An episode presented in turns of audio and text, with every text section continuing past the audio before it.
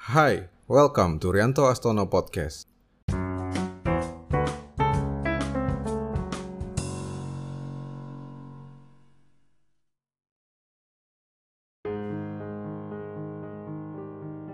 Snack Video bukan aplikasi penghasil uang, tapi aplikasi untuk goyang.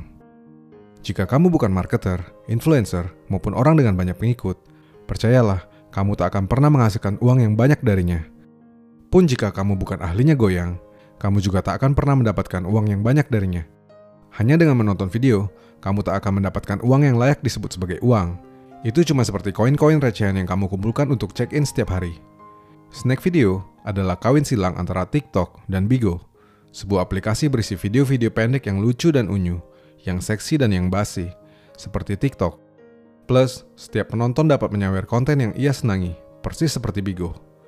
Lalu bagaimana cara untuk menghasilkan uang darinya? Pertama, jadilah content creator yang pandai bergoyang untuk mendapatkan saweran dari para penonton. Kedua, jadilah referrer yang handal dengan mereferensikan orang lain untuk menggunakan aplikasi ini. Maka sekali lagi, jika kamu bukan content creator yang goyangnya bagus atau marketer yang jago berpromosi, alih-alih mendapatkan uang, kamu cuma akan mendapatkan notifikasi-notifikasi menggoda di ponselmu. Jadi ini adalah hal yang perlu diluruskan dari Snack Video.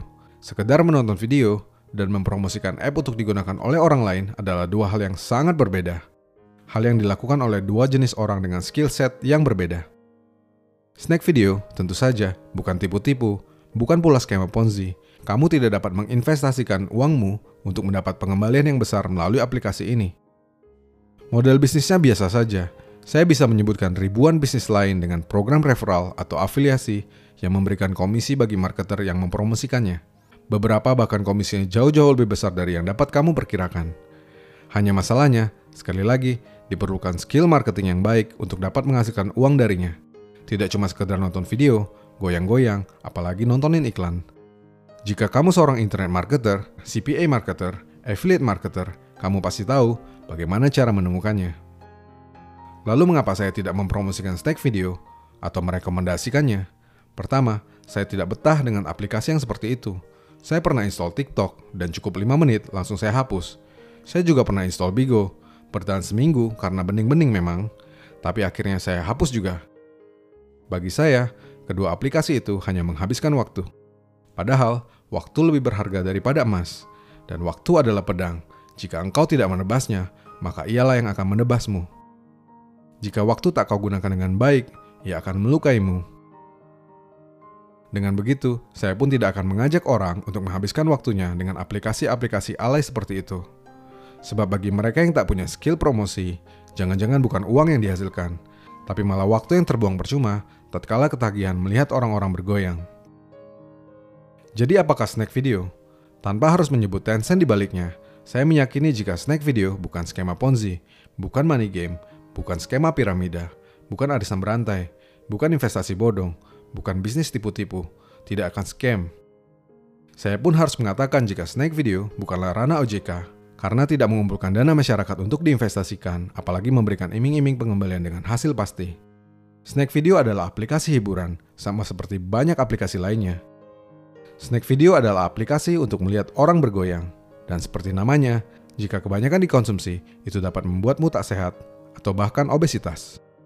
Dan apakah snack video dapat menghasilkan uang? Dengan promosi dan teknik marketing yang baik, itu dapat menghasilkan uang yang cukup banyak untukmu. Jika kamu seorang influencer, itu juga dapat menghasilkan uang untukmu. Tapi bukankah uang tidak sekedar uang? Itu lebih kepada tentang bagaimana apa yang kita hasilkan berasal dari hal-hal yang baik untuk digunakan pada hal-hal yang baik pula.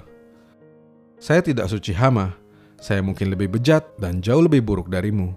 Saya hanya coba mengambil sikap untuk menjadi lebih baik setiap hari.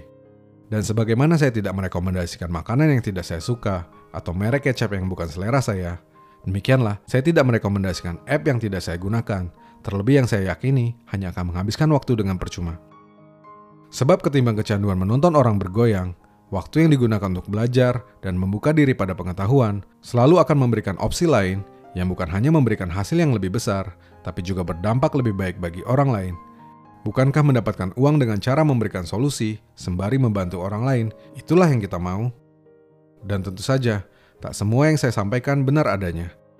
Kamu tak harus percaya, apalagi menelan mentah-mentah seluruh isi podcast ini. Saya tidak ingin kamu berpikir seperti saya. Saya hanya ingin kamu berpikir. Selanjutnya, terserahmu untuk memutuskan.